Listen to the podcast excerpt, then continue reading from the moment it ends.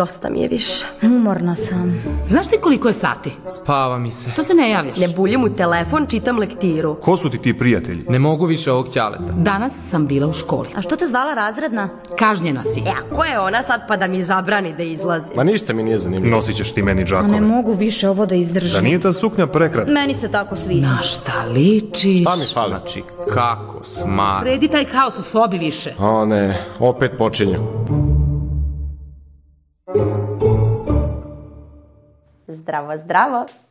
Danas jedna izuzetno važna tema. Ishrana i emocije i kako su to ishrana i emocije povezane. Znate ono kad ste probudite u dva ujutru pa ste strašno gladni, a ne znate ni sami zašto. Ili ste tužni pa ništa ne jedete. Ili previše jedete. To je sve zbog te povezanosti, a mi malo znamo o tome. Da bismo saznali više, idemo kod nutricionistkinje da nam ona to sve detaljno, lepo objasni. Ajde.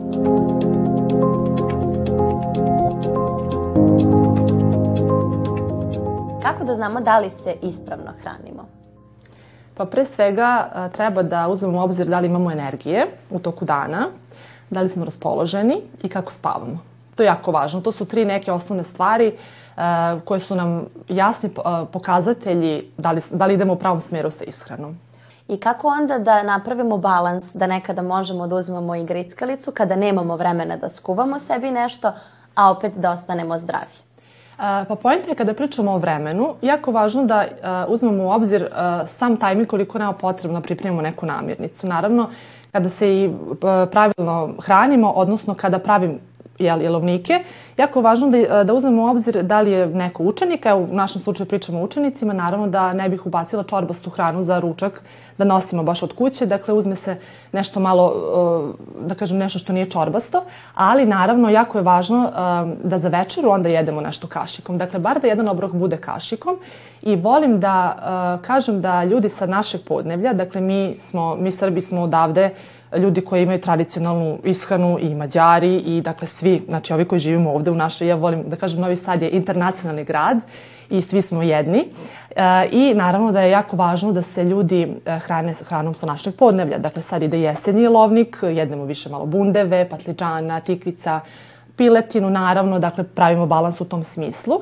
I jedino što volim da napomenem e, da ljudi e, iz naših krajeva najčešće jedu previše mesa. To je glavni razlog zašto imamo zapaljenske procese u telu i zašto nam je ubrzano starenje. Zašto svi imamo stomake.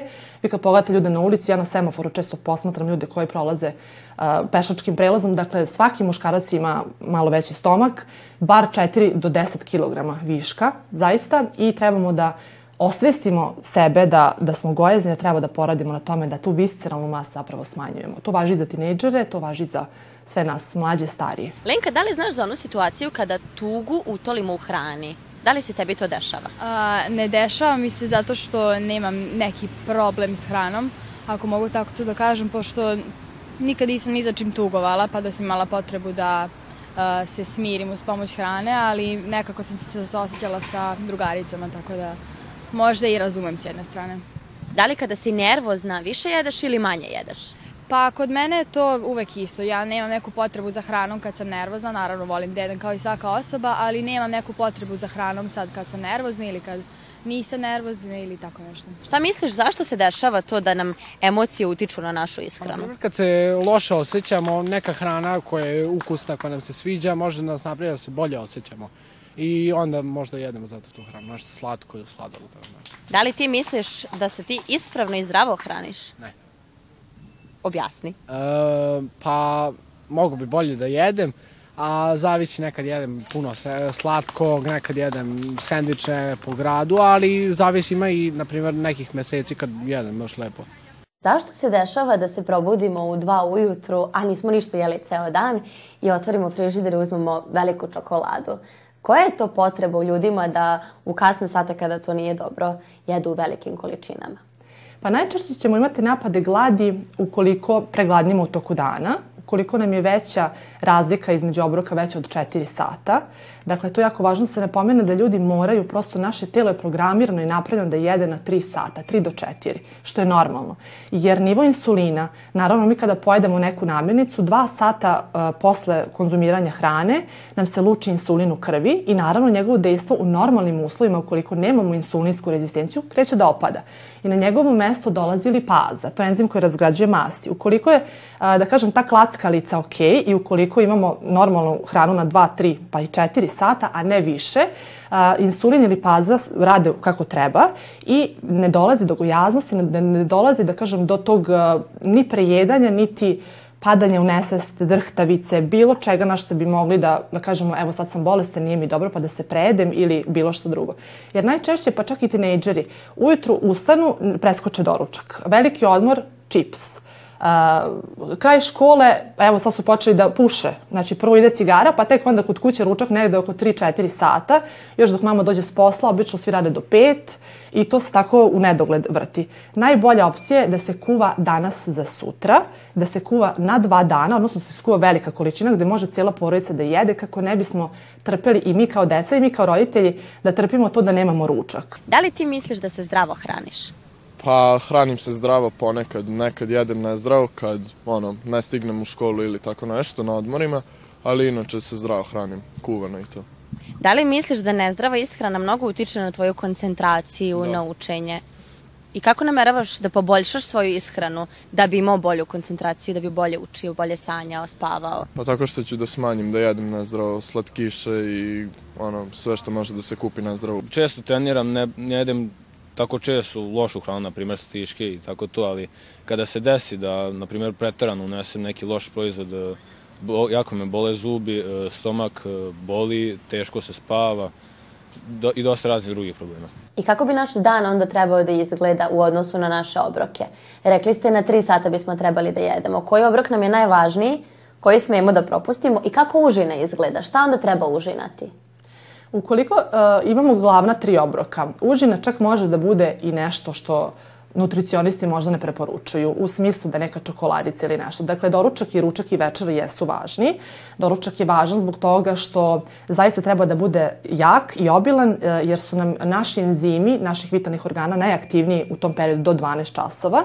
Doručkom se smatra obrok koji je do 10 časova ujutru. Nakon toga e, za 2 sata možemo pojesti užinu, čak i nešto slatko ako volimo. Međutim, ukoliko čovek jede redovno i koliko jedemo, odnosno unosimo dovoljno biljnih vlakana, što znači u vidu salata, grilovanog povrća, nama zaista ne, neće, nećemo imati potrebu za slatkišima u toj meri kao kada pregladnimo, pa kad stalno imamo potrebu za tim brzo resurbujućim šećerima.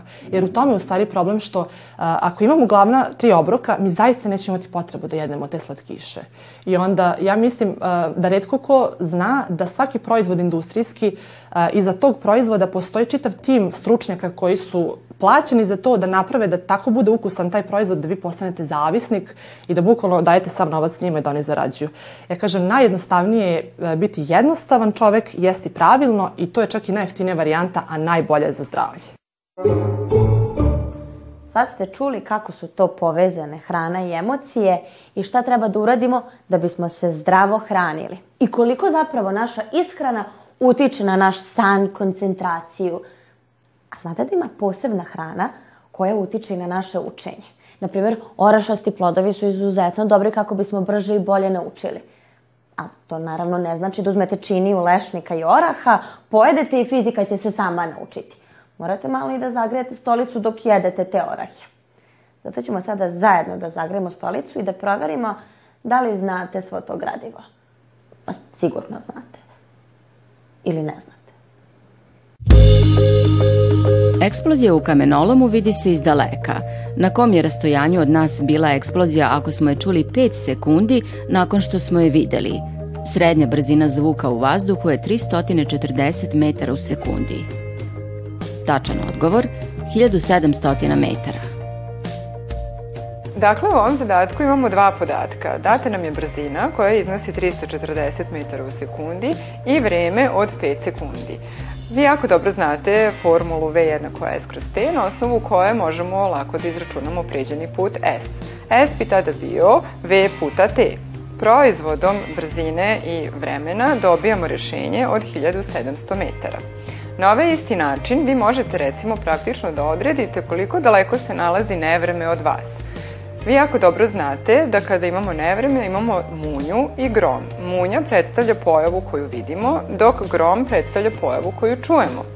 Međutim, brzina zvuka je mnogo manja od brzine svetlosti, tako da kada se desi munja, odnosno grom, vi ćete prvo videti taj efekat, gotovo trenutno, dok ćete posle nekog vremena tek čuti zvuk koji ona proizvodi. Samim brojanjem između razlike onoga što vidite i čujete, dakle ukoliko prvo vidimo munju, brojat ćemo koliko sekundi je potrebno da ona dođe do nas, odnosno zvuk da dođe do nas, i samim množenjem brzine zvuka od 340 metara u sekundi sa brojem sekundi koje smo izbrojali možemo izračunati koliko daleko se nalazi munja. Tako da istim ovim primjerom, recimo ukoliko ste izbrojali 5 sekundi, znaćete da se nevreme nalazi na 1700 metara od baze. Zbog čega je družina Toma Sojera smatrala da baš vredi biti gusar, pa nek kaže ko šta hoće. A. Uspeli su kao gusari da pređu s kelom reku i domognu se skrivenog blaga. B. Bili su ponosni što mogu da stoje na palubi lađe u gusarskom odelu. V. Proslavili su se kao gusari skupivši jata čamaca da pomognu meštanima. G. Srećni su što o njima kao gusarima svi u mestu govore, a deca im i zavide. Tačan odgovor, G. Srećni su što o njima kao gusarima svi u mestu govore, a deca im i zavide. Decenijama unazad jedna od omiljenih lektira osnovaca je roman Tom Sawyer Marka Twena.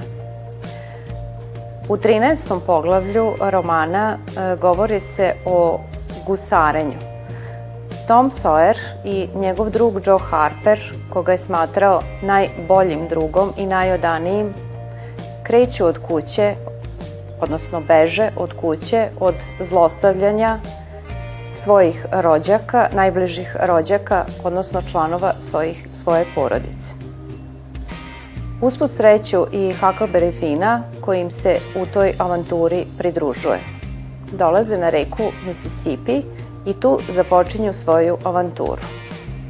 Ležeći uveče pored vatrice, jedući slaninicu i ostatke kukuruznog hleba, u mislima su im se pojavili njihovi najbolji drugovi i razmišljali su o tome šta bi oni dali da su sada na njihovom mestu. Sedište Saveta Evrope smešteno je u Strasburu, Davosu, Briselu. Tačan odgovor, Strasburu. Sedište Saveta Evrope nalazi se u Strasburu. Savet Evrope predstavlja jednu međunarodnu regionalnu organizaciju evropskih zemalja i njegovo sedište je u Palati Evrope, baš u Strasburu. Strasbur se nalazi na granici Nemačke i Francuske. Sam Savet Evrope osnovan je 1949. godine, a danas ima 47 zemalja članica, 820 miliona stanovnika i 500 miliona evra u budžetu. Svrha tog Saveta Evrope ogleda se u tome da se brinu o ličnim, ali i demokratskim slobodama evropskih zemalja i samih evropljana. Najbitniji akti koje je Savet Evrope doneo jeste Konvencija o ljudskim pravima i uspostavljanje Evropskog suda upravo za ljudska prava. Vidite vi to, sad smo i mozak nahranili. Ali moramo da spomenemo jednu Ezopovu misao, baš o tome kako treba jesti. On kaže, bolje je pojesti koricu hleba u miru, nego čitav sto hrane u nemiru. Zato ostanite u miru, čuvajte svoj mir i gledajte na sledeće nedelje. Zdravo!